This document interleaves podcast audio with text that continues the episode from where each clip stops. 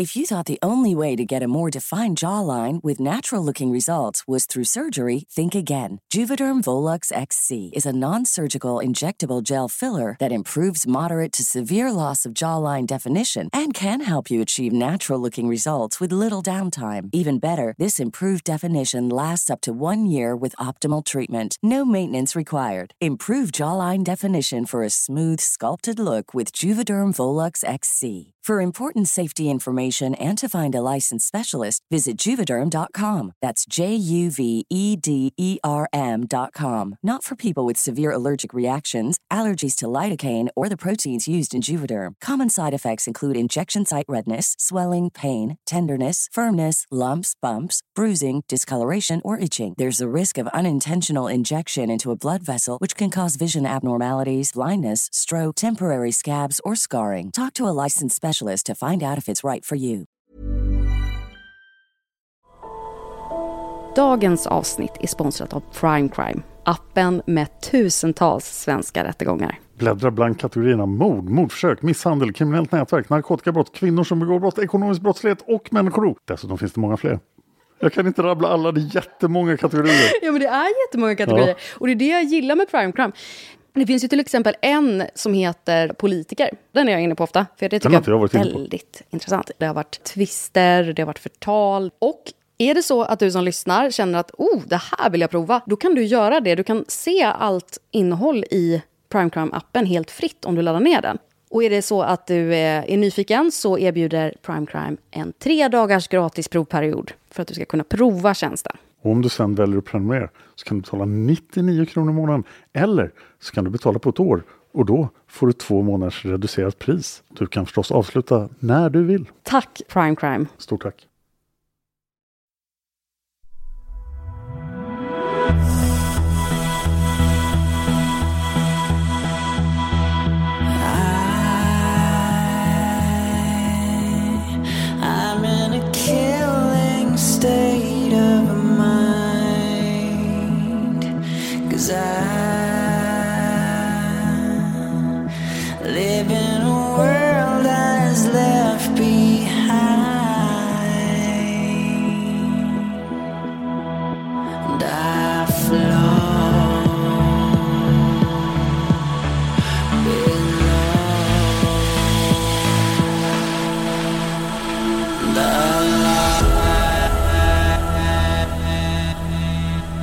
Lyssnar på Mördarpodden.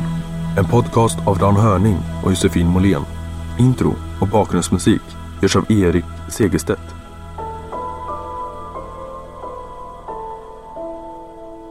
Välkommen till Mördarpodden och avsnitt... Är vi redan på fem nu? Ja, det här är del fem. Oh. Och vi har ganska mycket kvar. Men nu har jag fått mitt kaffe så jag är nöjd. Ja. Kan du sammanfatta vad vi har pratat om i de första fyra avsnitten? Ja, Eh, det var självsäkert ja. Ja, jag gillar det. Ja, Självsäkert visst, är bra. visst, ja. Nej men alltså, eh, Chris och Lisanne. Jag säger Lisanne, du säger Lisanne. Och det är helt okej, vi gillar Ja, olikheter. hon heter ju Lisanne. Precis, så ingen av oss har rätt. Det är lite Janko och Junko. Men i alla fall, de eh, har ju försvunnit den första april i Bukete. Mm. Och eh, än så länge så är det inte klart att de försvann via Pianistavägen. Nej. Men det har varit eh, en eh, lång period nu. Vi, har, vi är väl uppe i, från den första eh, april, så är vi väl ungefär två månader fram i tiden, skulle jag Ja, säga. när jag börjar prata så är det den 12 juni. Ja, vad blir det då? Maj, juni. Ja, Två och en halv månad. två och en halv månader. När de försvann så togs det ju inte direkt på största allvar av Panamapolisen.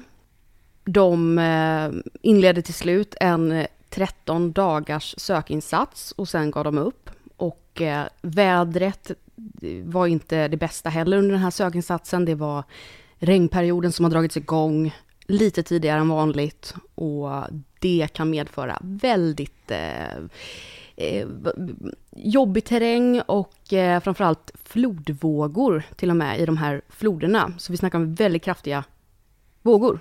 Ja, Och det tänker man sig inte ska komma i en flod, men jag antar att det är därför det heter flodvågor. Ja. Familjen, alltså deras familjer har ju varit på plats också och Mm. eh, eh, tagit del av sökandet och eh, den nederländska polisen har varit där, de har varit där med sitt hundteam och det var väl ungefär en månad efter att tjejerna försvann så var de där med sitt hundteam och sökte igenom eh, Bukete och eh, djunglarna runt omkring med sitt eh, hundteam då. Och de säger att vi har sökt igenom allting, varenda liten plats, det här kan inte ha... Eh, det kan inte röra sig om en olycka eller ett försvinnande, utan det är ett brott som ligger bakom det här. Feliciano, den här guiden som är Mysko Pysko, har ju då dels varit den första som har varit på plats hemma hos eh, flickornas, eller flickornas, tjejernas världsfamilj. Mm. Kollat igenom rummet, var den första på plats där. Inte bra, för då vet man ju inte riktigt vad, vad tjejerna hade med sig när de gick ut på den här vandringen. Om folk har varit där och kanske plockat på sig saker, det vet man inte. Mm. Sen så har vi ju då att han har eh, varit den första som har varit på Pianistavägen. Han gick upp dit direkt när, det var, när sökinsatsen drog igång. Ja, det hade säkert varit andra som hade varit på pianistavägen emellan, men han var den första som letade där. Ja men precis, exakt. Han var den första som letade där. Och sen så var han också den första som ville att de skulle ringa polisen och det dröjde. Och han är den första att eh, säga i media att det här rör sig om ett brott. Ja. Så han är ju lite skum. Men man vet ju inte heller, det kan ju vara en, eh, någon som har blivit besatt av eh, fallet också. Otroligt bra sammanfattning, för att det här med att Feliciano alltid är där och är först på bollen hela tiden, det kommer att fortsätta. Så håll den tanken. Ja. Men jag tror det viktigaste här i början av juni 2014 är just den här övertygelsen kring att Lisanne och Chris har råkat ut för ett brott. Mm. Att de flesta tror verkligen det då. Mm. Men sen händer någonting som faktiskt får myndigheten att ändra sig. Mhm. Det blir torsdagen den 12 juni 2014. Och då får polisen i Buket ett samtal. Den som ringer är Domingo Gonzales, Felicianos bror. Ja. Han berättar för polisen att en kvinna har hittat en ryggsäck dagen innan, alltså den 11 juni, vid en flod i närheten av Alto Romero. Och Alto Romero var ju byn som ligger, man går över Mittador på Pianista, in i djungeln, ner till Ormfloden, över Repbron och sen kommer man till Alto Romero. Mm. Och det är där eh, Feliciano och eh, Domingo har sin verksamhet va? Alltså deras har en av sina gård. verksamheter. En av sina Mm. Gårdar De där. äger mark och en gård där.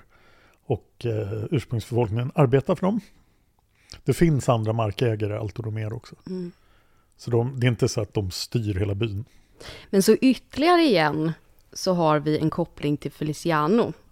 ja, det är en väldigt tydlig koppling till Feliciano. Mm. För det här framgick ju inte förr att det, att det var en koppling till honom, utan då var det en kvinna som hade hittat, som hade kommit in till polisen. Men nu är alltså uppgiften att det är Domingo som ringer till Panamapolisen och säger att en kvinna har hittat Ja, en ryggsäck. för hon ringde inte till polisen, hon gick till honom. Mm. För det är en av familjen Gonzales anställda som har hittat ryggsäck. Mhm. Jag säger att det här skedde den 12 juni. Men ganska många källor till det här fallet säger att det sker den 14 juni. Till exempel Wikipedia. Men det är helt fel. För det finns ett förundersökningsprotokoll med en promemoria från det här samtalet, alltså från polisen, som är daterat den 12 juni 2014 klockan 08.25. Mm. Och i PMet kan man läsa att det fanns en namnlapp i ryggsäcken. Och på den namnlappen stod det Lisanne Fron. Oh. Jag tycker det var så roligt att du bara, till exempel Wikipedia, som om Wikipedia aldrig haft fel förut. Men i det här fallet så är det ju så omdiskuterat och folk är och skiftar om och skiftar rätt i felaktiga uppgifter, så det är lite konstigt. Ja, och det har ju varit mycket felaktiga källor till det här fallet. Som ju drabbade oss i vårt gamla avsnitt från 2019 också. Platsen där ryggsäcken hittas är ungefär 10 timmars promenad för unga kvinnor i bra form från utsiktsplatsen.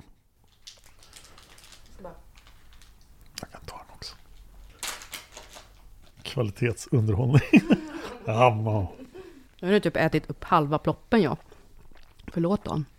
Den var till dig. Nå, tack. Åh, så gott. Det här fyndet väcker ju en hel del uppmärksamhet. Det här är ju det första riktiga fyndet. Och Lisans namn står i ryggsäcken. Så folk från Panamas justitiedepartement åker helikopter ut till Alto Romero nästa dag. De kan förstås inte göra det samma dag. Fast de ringde klockan 08.25 på morgonen. Men nästa dag åker en helikopter ut till Alto Romero. Det har nu alltså gått nästan två och en halv månad från försvinnandet. I Alto Romero får polisen Lisans ryggsäck. Och det här är alltså ryggsäcken man kan se på bilderna. Det är hennes ryggsäck. Och det har resonerats otroligt mycket om i vilket skick den här ryggsäcken är. Ja. Mm. ja. Kom, kommer du ihåg att vi har talat om så åh, den var så här helt perfekt skick och Ja. den, hade, den kom direkt från affären. Det är inte riktigt sant. Den är inte i dåligt skick för att ha varit ute i tio veckor i Panamas djungel. Men den är inte på något sätt i perfekt skick. Polisen öppnar ryggsäcken och hittar bland annat två par solglasögon, 87 dollar, en vattenflaska, två bhar, kreditkort, två snäckor, en nyckel, Lisans Samsung Galaxy S3 i en plastpåse, Chris iPhone 4 i en plastpåse samt Lisans försäkringskort och hennes digitalkamera inklusive minneskort och laddare. Låg digitalkameran i en plastpåse också? Ja, Och eh, de här pengarna, låg de i en plastpåse? Dollarna? För annars borde man kunna se om den här väskan har varit i floden. Alltså de är ju väldigt känsliga sådana här... väskan Pengar. har var, haft vatten i sig. Det har kommit in vatten i väskan, det har kommit in vatten i plastpåsen också. Mm. Båda mobilerna och digitalkameran är vattenskadade. Så plastpåsarna skyddade de inte. Nej. Skönt kan jag säga. Eh, för att det har varit så frustrerande med de här uppgifterna att det inte skulle ha påverkat dem någonting. Mm. För då är det ju något uppenbart konstigt. Eh, för även om det är plastpåsar och de har liksom varit i eh, utsatts för regn så det är klart att det kommer in ändå och att de ska vara väldigt eh, förstörda. Men berätta mer, jag är jättenyfiken nu. Jag har ju en fråga till dig i egenskap av kvinna. Okej, Eh, om du var ute i djungeln och saker och ting blir jobbiga, skulle du ta av dig din bh? oh ja. Det skulle du? Ja, absolut. Nej men, äh, nej men BH, det är inte det bekvämaste i världen. Kan vara lite skönt att ha under dagen, men eh, vi tar, alltså man tar ju av sig BH när man ska sova. Och eh, jag kan inte se att jag skulle kunna gå omkring med en BH i eh, flera dagar ute i djungeln. Utan då, så- nej, Så det är inte så konstigt helt enkelt. tycker jag absolut inte. Observera också vattenflaskan. Att de faktiskt hade vatten med sig. Det ser man inte på någon av bilderna. Så. Men Mm. den fanns där. Det, ryggsäcken är fotograferad inklusive innehållet. Förlåt, var, var vattenflaskan tom? Ja, Okej. För annars så tänkte jag att det skulle vara intressant att se om, det, om den var, jag hade lite vatten kvar och se om det är vatten som är från kran eller om det är vatten från djungeln. Mm. För att se också om de har använt sig av flaskan för att dricka själv. Vilket jag de förmodligen har gjort. ganska så säker på att den var tom. Ja. Det finns också, när man tittar på bilderna, någonting som ser ut som godispapper från en karamell. Just det. Dessutom finns det folk som tycker sig se en till vattenflaska. Så att det skulle vara två vattenflaskor. Och det låter ganska logiskt att de hade två vattenflaskor. Man kan dessutom läsa i polisens dokumentation att det fanns smuts och jord på ryggsäcken. Det fanns också gulbrun lera på remmarna. Och dessutom hittade man bitar av växtlighet och lös sand inne i ryggsäcken. Ja men då låter det inte som att den är liksom hittad med prislappen på. Nej. Det finns också plastbitar i ryggsäcken. Däremot kan man inte längre säga om ryggsäcken var blöt när den hittades. För det har inte dokumenterats. Men man borde ju kunna se ändå på ryggsäcken om den har varit blöt. Och det verkar de ju ändå då kunnat Ja, se. den, den verkar ha har varit blöt. Men den även alltså- ha varit blöt när den hittades. Men även dyngblöt. Och dessutom så undrar jag också så här, kan man till exempel ta lite prover på, ehm, eh, det- vad var det du sa det hittas själva på? Var det sand och jord? Ja, Om man skulle kunna ta liksom se vad som finns på lite botten i, i floden och lite vad som, alltså vart kan det här... eh, det är en väldigt bra tanke för just sand är nästan lika bra som fingeravtryck. Ja, Det går att testa sand och olika områden har olika sand. Mhm. Så sand är otroligt bra att testa. men det gör de inte. Vi har inte kommit till vad de gör med Okej, den här förlåt. ryggsäcken. Ja, förlåt, jag går händelser förväg. Polisdokumentationen undviker nästan noggrant att säga orden blöt, våt eller torr om den här ryggsäcken. Men polisen fick inte tag på ryggsäcken förrän det hade gått typ 48 timmar efter fyndet. Så då bör den ju rimligtvis ha torkat. Mm. Du frågade om sedlarna förut. Ja. De var torra och de hade inte förmultnat. Så att de kan ha nåtts av vatten men sen hade de torkat. Metallspännorna på bhna. Om de hade legat vatten i tio veckor då hade de rostat. Mm. Men det hade de inte gjort. Polisen antog direkt att ryggsäcken hade drivit i ormfloden. Så ormfloden hade tagit med sig den ner till platsen där den hittades. Som jag nämnde i förra avsnittet, alltså regnat nästan oupphörligen hela tiden här. Och den här ryggsäcken har legat ute i 72 dagar ungefär. I djungeln, i vilt regn, åkt på ormfloden och så vidare. Så den skulle kunna vara i mycket sämre skick. Mm. Men det här är skicket den är och det är som sagt inte så perfekt. Men alltså just att det inte rostar, kan det bero på att det fortsätter regna? För jag tänker att är det inte riktigt när det blir, eh, eh, alltså när det varit blött och så är det, är det luft som, eh, alltså blir utsatt för luft som det börjar rosta. Eh, men om det fortsätter kontinuerligt regna på det då? Jag vet inte. Det låter ju faktiskt sant men vår kemiska expertis är inte så bra. Nu kommer helikopter också. Högst begränsad. Ja. Det är nog sökinsatsen som fortfarande pågår. vad är de här? Det är faktiskt snart tio år sedan som det här hände. Ja, kanske skulle ha nästa mördarpodden öl den 1 april 2024. Och diskutera det här fallet faktiskt. Eh, Polisen undersöker förstås ryggsäcken väldigt noggrant. De upptäcker att en av remmarna har delvis lossnat. På själva spännena finns det som klösmärken. På ryggsäcken, på, eh, På spännena. på spännena på ryggsäcken. Tyget på ryggsäcken har ändrat färg på några platser. Och kanske på grund av att den har släpats mot någonting. En bit av ryggsäckens tyg som är ungefär 3 gånger 1,5 cm stor vid övre högra hörnet är borta. Och på kanten av hålet är det skarpa kanter. Det, är- det är så ett Det är alltså en hål bit i... av ryggsäcken som saknas, 3 gånger 1,5 cm. Ja. Och så var det, var det hårt också sa du, runt Ja, den det, här är alltså, kanten. det ser ut lite som att den har blivit bortklippt. Ja. Väldigt nära där hålet finns det en reva som är en centimeter lång. Och ansvarig kriminaltekniker tyckte att den här revan var orsakad av en ägg. Som till exempel en kniv. Men kriminalteknikern var väldigt noggrann och säger att inte, att, att inte säga att det var en kniv utan att det var oklart om det var någonting naturligt eller någonting som människan hade tillverkat. Mm. En av många engagerade privatspanare i det här fallet har sagt om eh, polisens dokumentation och bilderna av ryggsäcken följande. Han heter Matt. Citat. Även om skadorna på ryggsäcken stämmer ganska bra överens med skadorna den skulle ha fått av att driva ner för en flod med stenar i, så är skadorna väldigt lätta. Och förmodligen stämmer de inte om ryggsäcken har färdats flera kilometer nerför floden. Mm.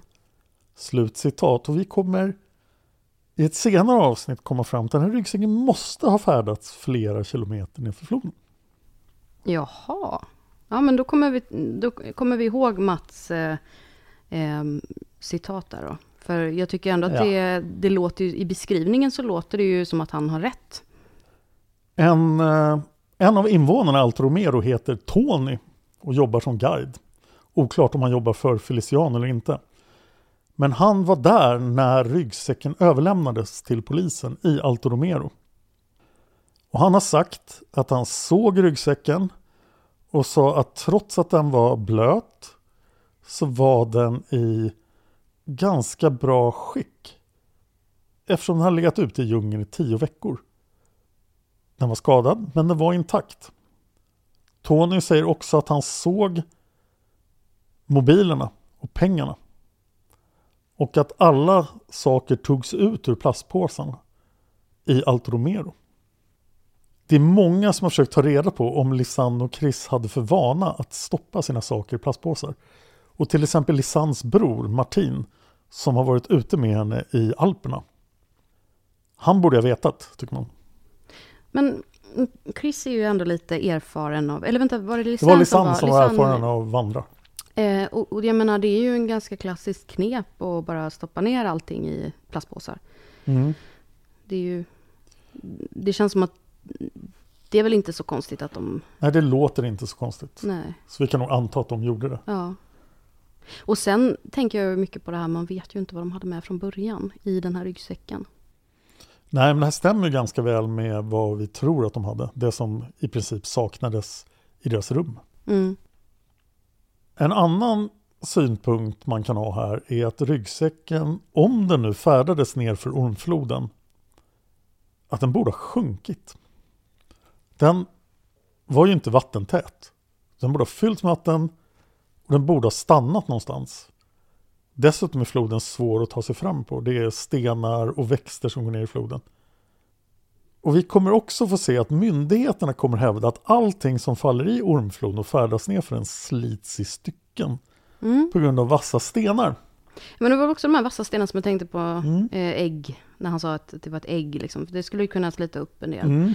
Men sen tänker jag väl också att det är ju flaskor där som var tomma, alltså plast, petflaskor. De klarar sig Eh, också. Men, men det kanske också hade en liten att den ändå kanske flöt upp lite Ja, i mer. och för sig, det kan du ha rätt i. Men å andra sidan så är ju de, det är ju ändå lite tyngre prylar i så. Ehm, så det beror ju på. Men om nu ryggsäcken har färdats ner för Ormfloden så är det kanske mest anmärkningsvärda att mobilerna och digitalkameran inte är sönderslagna. Ja. De är lätt vattenskadade.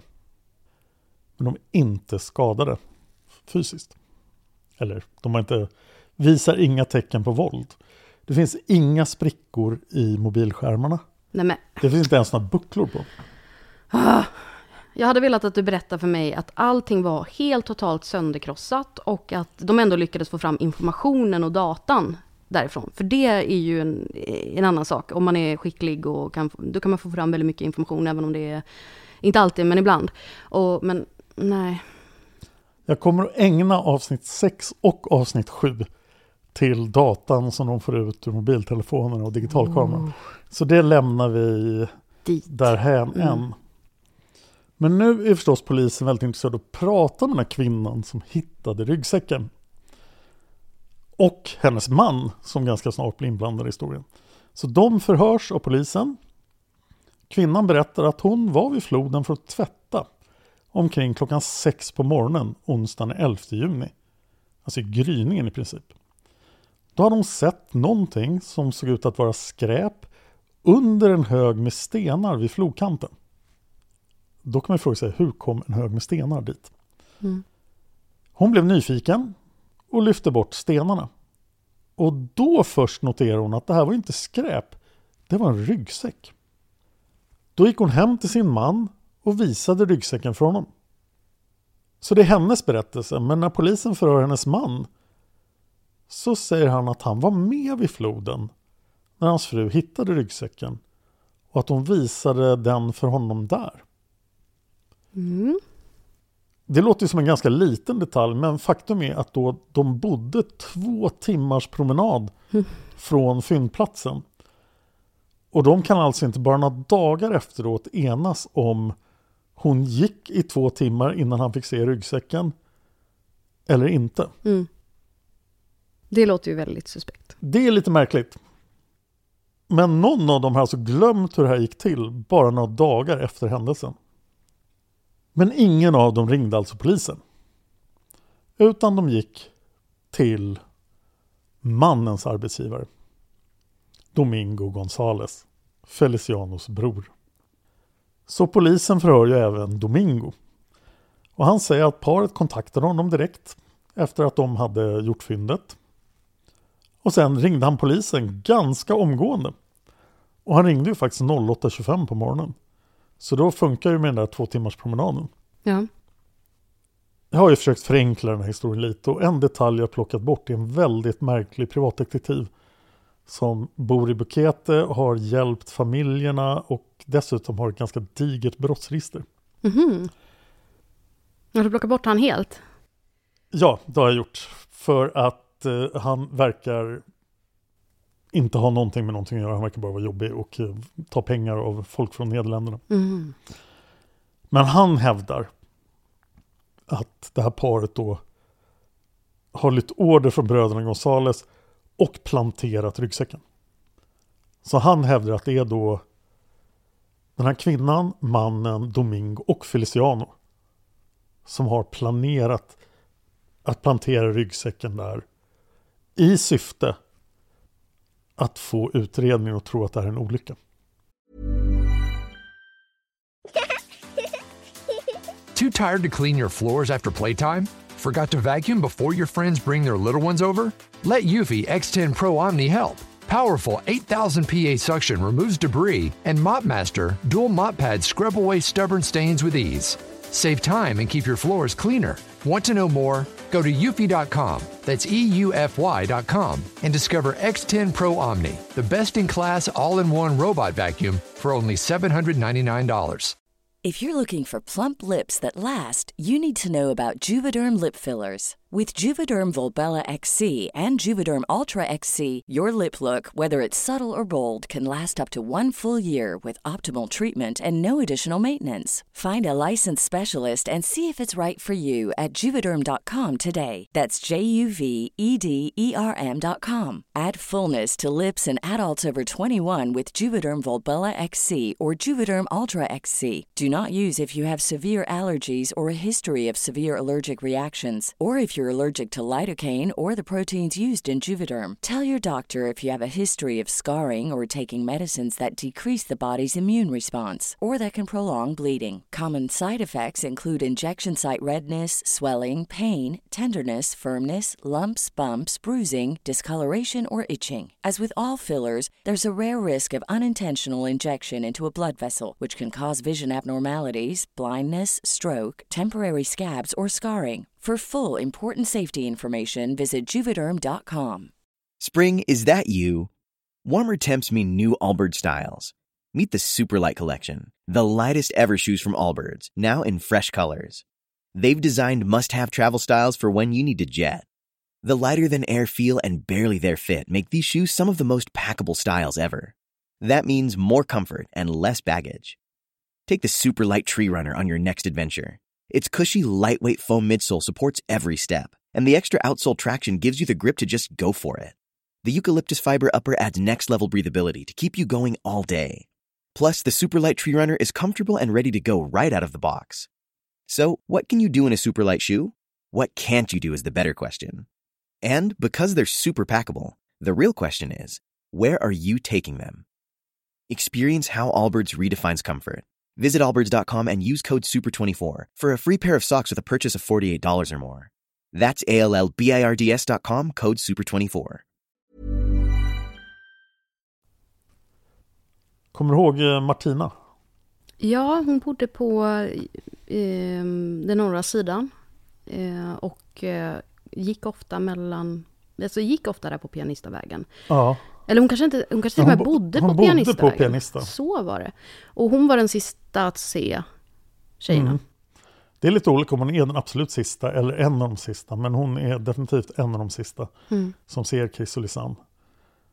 Och eh, hon hävdar att hon har blivit uppsökt av Feliciano. Och att han har sagt åt henne att han ska stämma henne om hon pratar något mer om det här fallet. Eh, och hon är ju från ursprungsbefolkningen. Och det verkar som att ursprungsbefolkningen är väldigt lojala mot Feliciano. Främst då för att han är en viktig arbetsgivare. Mm. Så här hände då någonting revolutionerande i fallet. Ryggsäcken hittades och Feliciano är mitt i det igen. Mm. Så jag tänker inte prata om vad som fanns på mobilerna eller Mm. digitalkameror i det här avsnittet. Men något geni i Panama kommer på Ska vi inte titta på ryggsäcken efter DNA och fingeravtryck? Mm. De kom på att det fanns. Ja, De det var, kanske var den nederländska polisen. Ja. Men polischefen kanske har kvar och så åt dem att göra det. Just det, vet du där. Det finns ju både DNA nu för tiden och fingeravtryck och sånt. Det kanske vi ska testa. Ja, nederländska kriminaltekniker har faktiskt varit inblandade men de är alltid tvåa på bollen när allting händer. Ja. Så att först titta Panama på saken. Det ska vi prata mer om när vi kommer till kameran. Man gjorde 13 DNA-prov på ryggsäcken. Ja. Från då platser där man borde röra vid ryggsäcken. Det vill säga från remmarna, fästena, dragkedjor och kanten av ryggsäcken om man lyfter den och sådär. Man gjorde också DNA-prov på bh-arna. Mm. Av de 13 proven, och det inkluderar då bh-proven, så hittar man DNA i bara tre av dem. ja. Och det var ju lite förvånande. Är det verkligen det? De har ju Ja. varit i eh, vatten och... Det stämmer, så då kan ha sköljts bort. Men om man tänker en ryggsäck som inte hade varit ute i djungeln i tio veckor, Ja, det, då då, har man hittat ja. DNA. Ja, det är sant, så är det ju förmodligen. DNA som man hittade tillhörde flera personer, inklusive minst två olika kvinnor och en man. Mm. Ingen har någonsin matchat mot de här DNA-profilerna. Ja, så, så det, är man, det var inte bara att man kunde se att men det här är DNA tillhörande eh, två kvinnor, det här är DNA tillhörande en man. Alltså att det var så få vad heter det, DNA-strängar att man kunde liksom eh, se att, man kunde bara se liksom att det rörde sig om två olika kön. Nej, det här var DNA som var tillräckligt bra för att kunna matcha. Okej, så det är inte Chris och Lisannes DNA Mm. Nej. och det är inte Domingos. Nej, Eh, Domingo vet vi inte, för det är oklart om han har DNA-testats. Ja, men vad tusan. Men Men, det, men hallå! DNA från de två kvinnorna matchade inte Chris och Lisanne.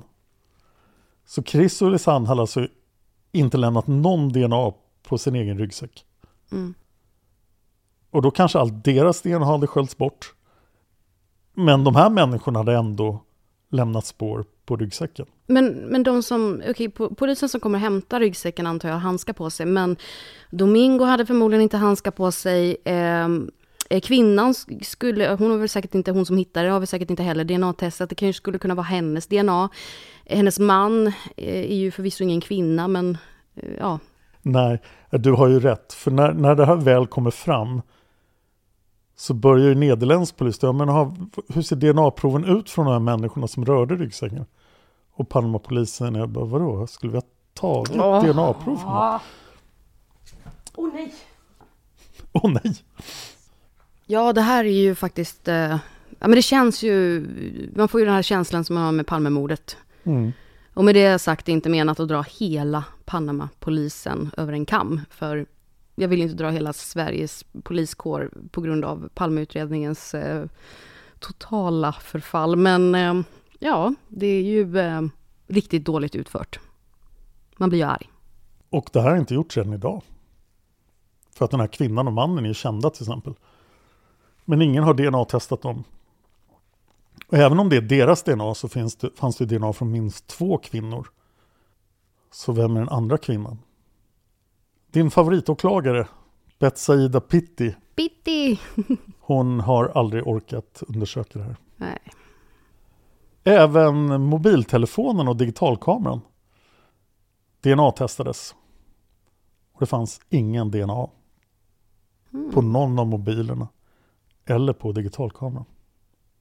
Det är ju lite konstigt för att jag tänker just eh, avtryckaren eh, har ju använts flitigt och den Mm. var ju ändå i en plastpåse skyddad. Ja. Eh, och även om den har liksom utsatts för vatten. Så hur är det med vatten och DNA? Alltså spolas det, det är väl inte att det 100% spolas bort så. Utan det går ändå att, eh, alltså, det behöver inte betyda att det spolas bort till 100% men det blir ju givetvis mycket, mycket svårare. Jag tror nog att det beror på väldigt mycket. Ja. Men det skulle vara intressant ämne att få veta mer om. Mm. Dessutom testar polisen då fingeravtryck på mobilerna och digitalkameran. Det fanns fingeravtryck men de var för dåliga för att kunna matcha mot någon. Ja, Okej, men det fanns ändå på digitalkameran, förmodligen avtryckarknappen.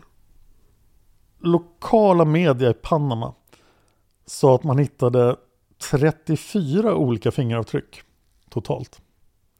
13 på ryggsäcken, 12 på tejp som satt runt mobilen och digitalkameran. Det verkar alltså vara tejp där minneskorten var fasttejpade vid enheterna. Det här kan ha varit någonting som polisen har gjort. Och så hittar man sex fingeravtryck på bhna. Nej men alltså kan inte det här bara vara poliserna som har Det kan det mycket väl vara. plockat upp och... Uh, uh. Fortfarande är det ingen som har tagit fingeravtryck från då de som var inblandade här. Mm. Det har även kommit ut att när folk jobbade med det här så hade de inte handskar eller masker på sig och tejpen kommer förmodligen från polisen. Ja men kom igen. Oh, Okej, ja men då är det avklarat i alla fall. Tack för den här bevisningen, hej då. Ah, Där hamnade jag till slut då på, hos nederländska polisen där de blev bara, va? Varför har folk kladdat på de här grejerna? ja. Vad är det här? För det jag skulle säga annars med den här avtryckarknappen, det är ju att eh, det jag kan tänka mig, nu är jag ju långt ifrån en fingeravtrycksexpert, men, men just att när man eh, håller in på den avtryckarknappen så är det ju ändå ganska centrerat, det blir nästan som här man klickar på en fingeravtrycks, alltså det blir väldigt korrekt varje gång, så att det känns som att det skulle ändå kunna just där vara ett ställe där man har klickat väldigt många gånger och nästan lite exakt. Det var det jag tänkte med just avtryckarknappen. Ja, det borde ju funka. Nederländska kriminaltekniker lyckas få ut ett fingeravtryck ur det här. Som de skickar till Panama och vill kontrollera i Panamas fingeravtrycksdatabas. Men det blir aldrig gjort. Nej, vad förvånande. Familjen Kremers advokat i Panama, Enrica Arrocha, har gått ut och påpekat det här att åklagaren verkar inte alls intresserad av att kontrollera det. Pitti Eller alltså. varken fingeravtrycken eller DNA. Var, var det Pitti som var åklagare? Ja. Din favorit Betsaida Pitti. Panamas myndigheter har också sagt väldigt lite om fingeravtrycken och DNA under åren som har gått. Den nederländska kriminaltekniska rapporten säger att fem av fingeravtrycken på bhna inte kunde ge någon DNA-profil och att de har lyckats matcha det sjätte fingeravtrycket med en av sina egna anställda. Det står ingenting i den kriminaltekniska rapporten om att någon har testat vattenflaskorna. Eller sanden. Eller växterna. I Panama. Men nederländska kriminaltekniker försökte matcha växtdelarna. Men lyckades inte. Sen vände de sig till åklagare Betsaida Pitti och ville att hon skulle göra det. Eller se till att det blir gjort. Men eh, det gjorde hon inte. Pitti. Pitti har också gått ut och sagt att ryggsäcken hade tydliga tecken på att blivit släpad. Och jag nämnde att det fanns lite tecken på det. Men eh, hon verkar ha överdrivit det väldigt mycket. Bilderna på ryggsäcken har kommit ut i media och eh, det här reagerade de anhöriga på. Chris och Lisans föräldrar var upprörda över att det här läckte ut. Och de sa citat Familjerna tycker det är väldigt obehagligt att de här fotona har kommit ut i media. De visar ju faktiskt bhar och det är inte alls trevligt. Slutcitat. När sa de detta och när läckte de bilderna ut? Det var ganska kort efter fyndet. Okej. Nu är nästa steg då informationen från mobilerna och informationen från digitalkameran. Och det kommer att bli då avsnitt 6 och 7. Och i avsnitt 8 kommer jag att prata om ett till fynd, men det fyndet är inte gjort än. Men det här var alltså avsnittet om eh, väskan. Ja, Ehm, jag tycker att, eller det, var inte meningen att... det här var alltså det du hade att komma med Dan. Ja, nej, nej, nej, nej. Jätte, jättebra information. Eh, Jag är jättenöjd och jätteupprörd på eh, utredningen än så länge. Men det jag tänkte, då kan jag ju få lov att prata om väskan då. ja, jag tycker att den här bilden, alltså, man ser ju, jag ska lägga upp den på Mördarpoddens Instagram, det är ju, ehm, även om det är en dålig bild, se om jag kan hitta någon som är en bättre kvalitet, så ser det ju ut som saker som inte har legat i djungeln i två månader. Jag menar, jag kommer ihåg när jag tappade leksaker i skogen när jag var liten. Alltså det var ju så här, tre dagar senare och det regnat lite och man bara, men oj, det här var ju, det går ju inte att identifiera längre liksom. nej, jag håller med om att den är anmärkningsvärt bra skick. Mm. Ja, och just också att den är... Man kan ju se på den blåa färgerna till exempel. Så det är en ganska klar blå färg. Ja, Hade den varit i, eh, om den liksom legat och, och, i en flod och åkt omkring, ja visst, visst, det är ju, eh, floden i sig renar väl, men eh, den ser väldigt klar ut för att eh, ha råkat ut för så. Men det är ju svårt att se på de här bilderna, men jag är högst skeptisk. Ja, sen kanske man också kan fundera på vad som hade hänt om ryggsäcken aldrig hade hittats. För ingenting annat hade förmodligen hittats om ryggsäcken inte hade hittats. Och det innebär att det här hade förblivit ett mysterium. Men absolut inte lika stort, alltså långt Nej. ifrån så stort. För jag menar, det hade ju, då hade man ju inte ens vetat att de befann sig på pianista. Nej, man, hade inte, man hade kunnat tänka sig att de bara hade blivit kidnappade. ja, Ehm, att, ja, de kanske inte, att de inte ens försvann i, i bukete. nej. Och det finns ju en massa historier om trafficking och eh, organtjuvar och blodtjuvar och allt möjligt i Panama. Ja, Men det hade ju blivit bara ett, ett till försvinnande. Om inte ryggsäcken hade hittats. Det är det här fyndet mm. som kommer göra det här fallet så oerhört komplicerat. Och då kan man också fråga sig varför, eh, om, om Domingo, eller Feliciano, hade någonting med det här att göra, för han är ju otroligt suspekt. Eh, varför vill han plocka fram ryggsäcken? Är det lite så här inre, att han vill, kan inte låta bli, nu har det liksom kallnat lite och nu vill han att något ska hända för han blir lite hög på, på spänningen. Eh, eller va- varför? För att jag menar, det är ju, om de inte vill ha misstankarna mot sig eller inte vill vill bara liksom sopa under mattan det här, då ska de ju definitivt inte visa polisen ryggsäcken. Det är ju en väldigt vanlig invändning Mm. i det här fallet när man då argumenterar mot att det har begåtts ett brott. Men det faktiska resultatet av att ryggsäcken hittas är att myndigheterna överger brottsteorin. Utan myndigheterna kommer på grund av det här fyndet att bli helt övertygade om att det här är en olycka. Ja, det är ju sant i och för sig. Ja, det är ju lite resultatorienterat, men det är det som faktiskt händer. Mm. Men det känns ju som världens mest vågade plan. Och plantera ryggsäcken. Och hur ska man ens kunna vara säker på att mobilen och digitalkameran faktiskt fungerar fortfarande? Mm. Om den ens... Om man skulle lägga ryggsäcken där i en dag så skulle de kunna totalförstöras. Mm, Ja, alltså själva kanske den Alltså om hår... det inte var hon som hittade den som visste om att den var planterad. Ja. Du menar alltså att... Det låter så långsökt. Alltså den som, om den är planterad, då har ju den som har planterat den velat att bilderna och mobilerna ska hittas. Mm. Men det gör ju också att det hela blir ett super, super komplicerat fall. Ja, det är ju det som gör det hela till fallet som det är idag. Ja, det verkar ju oerhört våghalsigt att plantera det här. Sen kan jag också tänka mig så här, visst, absolut, som du säger där, att kan, man kanske inte vet att eh, polisen kan ta fram de här bilderna. Och det kan jag ju förstå med tanke på Panamas eh, utredningsförmåga. Alltså att de verkligen så tänker att men de här har ju varit i vatten och det är liksom, de kommer inte få fram någonting av det här.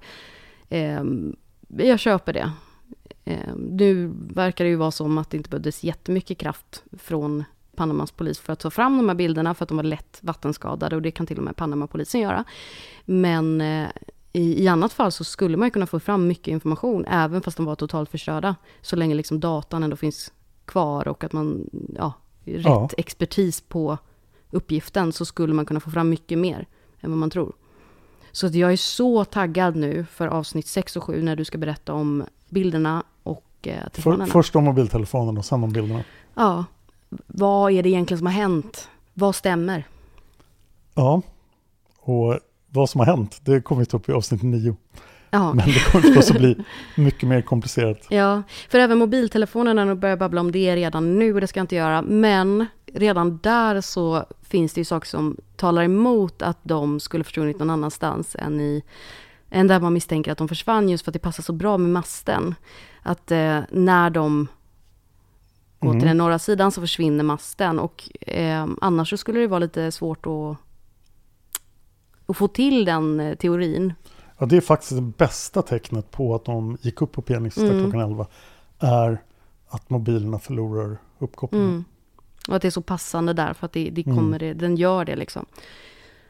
Så att jag är jätteintresserad eh, av att få höra mer. Jag tänkte bara på det här, för det kom ju kritik, nu är det en fråga som inte rör det som vi pre- precis har pratat om, utan det rör det som var kanske i förra avsnittet eller sådär. Men då tänkte jag på ehm, ehm, det kom kritik över att de inte hade sökt igenom eh, liksom alla ställen på den här norra sidan med djungeln och att de, alltså de gjorde inte en sån här, vad heter det, Missing People-sökning. Gjorde aldrig liksom, rutsök i själva Ja. djungeln. rutsök heter det. Eh, det gjorde de aldrig. Men var det även efter hundsöket som de verkligen också har fått kritik för det? Eller har de till slut ändå, kan man ändå garantera att de verkligen har sökt korrekt i de här svåra terrängen? Ja, den här kritiken kom ju från José som senare blev chef för Sinaproc. Och han borde ha känt till om det hade skett senare. Mm. Och jag tror inte det holländska hundteamet var tillräckligt stort för att göra det. Men du sa själv att du litar på deras ord att så här, nej, de, de, skulle de ha funnits någonstans där i djungeln så skulle de hittats. Vad, hur menar du då? Jag antar att om de planlöst bara gick rakt ut i djungeln utan anledning och försvann, då hade de inte hittats. Mm. Men de borde inte frivilligt ha, även om de råkade ut för en olycka i närheten av en stig så skulle de ha hittats. Ja, okej. Du menar att om, Mm. de om det här är frivilligt så skulle de hållat, hållit sig till stigarna, lite mer lätterrängliga områden och inte vara i den här väldigt svåra terrängen. Ja. Mm. Men om det har begåtts ett brott så kan någon ha gömt dem lite var som helst. Feliciano sa också i en intervju att han spanade efter gamar. För gamarna hade avslöjat var kvarlevorna fanns. Men det dök aldrig upp någon gamfynd. Var det Feliciano som sa det? Ja, han sa det. Han är ju lite skarp ändå. Ja, han sa dessutom till sina prock att göra det. Men alltså vad är det här? Är han någon sån här Flashback-utredare typ? Han är ju bergets professor. Ja. Ja, för att om han inte har någonting med det här att göra, då får jag ändå ge han... Han är lite cool ändå. Och Han bor ju än idag kvar i Bukete och ger guidade turer till folk. Ja. Och, Och har kvar sin gård. har eh, en relativt god relation till en av familjerna. Ja. De har ju, han har tagit med Hans och Roelie Kremers Mm, på pianista. Och det gjorde han redan 2014. mm, Jag vet inte hur deras relation är idag men han är ju pigg på att prata om det fortfarande. mm. Men just den där med relationer i familjen och att det blev infekterat, det kommer du komma fram till. Jag vet inte om jag har så mycket mer att säga om det. Jag får se om jag... För där är jag väldigt får nyfiken på hur det ser ut. Sen är jag också nyfiken på, um, För det, det jag vet där är att de, familjerna pratar inte längre med varandra. För de har helt olika uppfattningar om det är en olycka eller ett brott. okej. Mm. Och jag antar att det är Kremers som tror att det är ett brott. Och Frons som tror att det är en olycka. Jaha, jag tänkte att det var helt tvärtom i och med att guiden och... Eh, alltså, Ja, det kan vara tvärtom. Nu blir jag osäker. det känns som det borde vara tvärtom. Mm. För om Fron, om Frons tror att det är en olycka, då har ju inte de några problem med guiden som har varit med och hjälpt till från början. Men eh, om eh, Kremers är säkra på att det här är ett brott, ja då är ju guiden eh, misstänkt. Det kan de ju inte. Eller om de är säkra på ett brott fast de är säkra på att guiden inte har någonting med det att göra. Men det känns också konstigt. Jag har strukit mycket från de anhöriga i de här avsnitten. Ja. För de har gjort väldigt mycket saker. Men det mesta var saker som händer innan fyndet. Och då vet de ju ändå ingenting. Härmed tillåter jag dig att göra ett helt avsnitt om ah, hur anhöriga har... Hur de anhöriga i fallet, det skulle Ja. bli minst fyra avsnitt tror jag. Oj, oj, oj. De har varit väldigt aktiva. Mm. Familjen Fron har till och med gjort en dokumentär om Lisanne. Som i princip inte nämner Chris. Mm. Och den hade jag sett i morse om jag hade hunnit, men jag har inte sett den. Okej. Mm. Vart finns den? Den finns på Scarlett R's blogg. Okej. Eh, Den har tagits bort. Eh, Jag tror att den gick på nederländsk tv. Ja. Och den har tagits bort från YouTube av copyright-skäl. Men hon har lagt upp den på sin bloggplattform i en massa små klipp. Ooh. Så den finns där. Eh, Scarlett R har varit jättebra på den här bloggen då. Det finns en länk i avsnittstexten. Den heter Clos de Casse. så Mm. Kallt fall på nederländska. Och hon har varit otroligt duktig med att lägga upp olika media.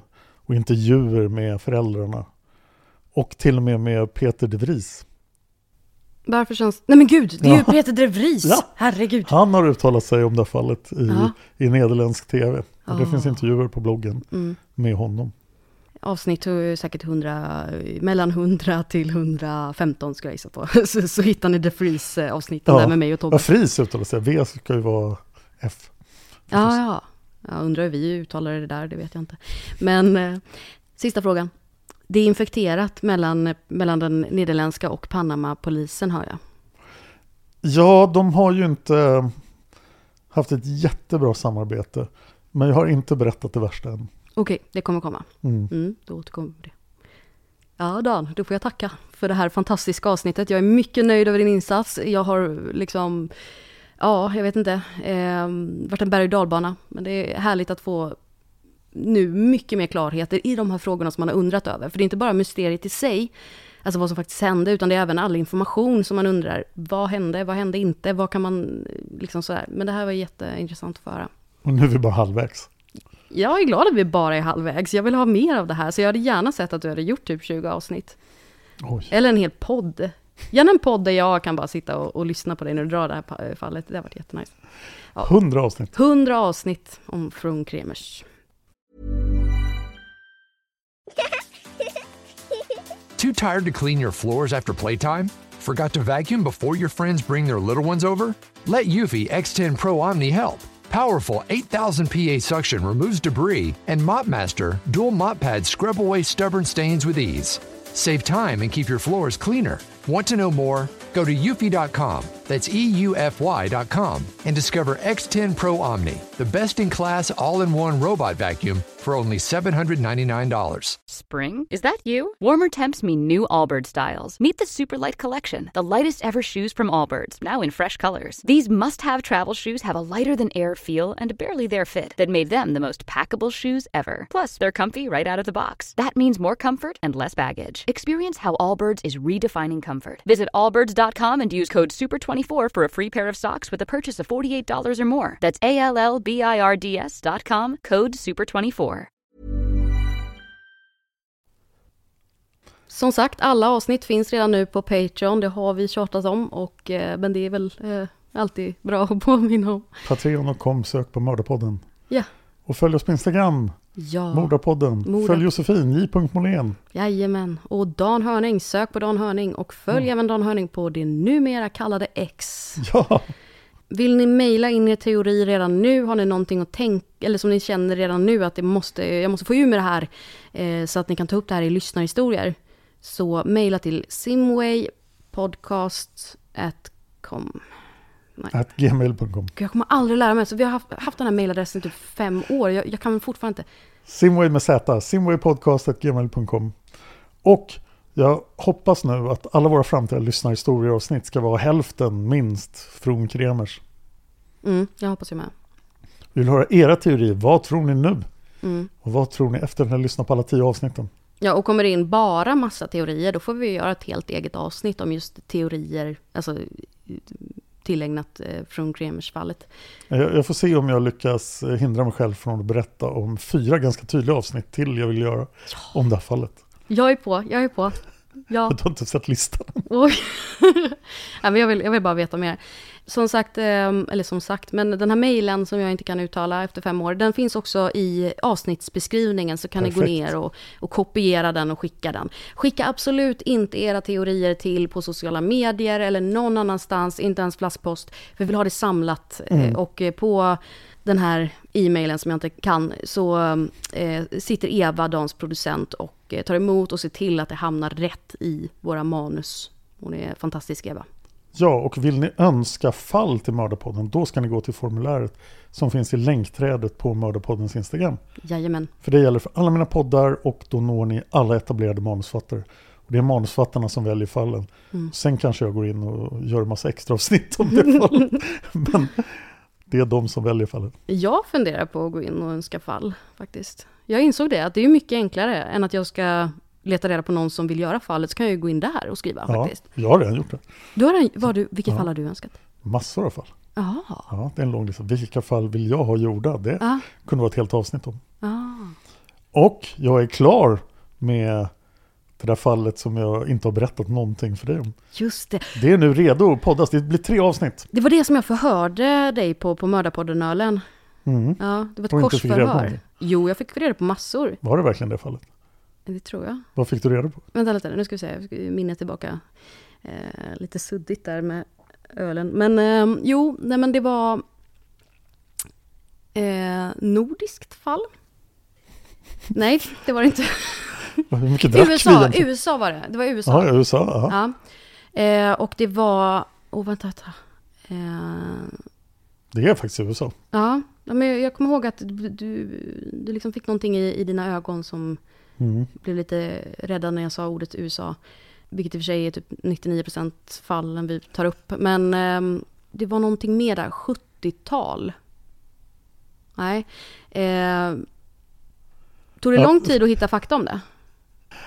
Eh, nej, jag fick hjälp. Ja. Då skulle det nog kunna röra sig om eh, tidigt början 2000-tal. Skulle jag gissa på. Mm. Mm. Nu får du sluta gissa. Eh, Vi vill inte spoila här för någon lyssnare heller. Eh, men eh, det kommer någon gång efter Från Kremers. yay. Vi har en annan serie vi borde köra innan också. Vilken då? Ja, okej jag vet, jag vet. Den, jag vet. ja, Ja, absolut. yes, nu borde du sluta. Nu slutar vi. Hej då. Nästa, nästa gång Vi ses vi. ses i nästa avsnitt. Hej då.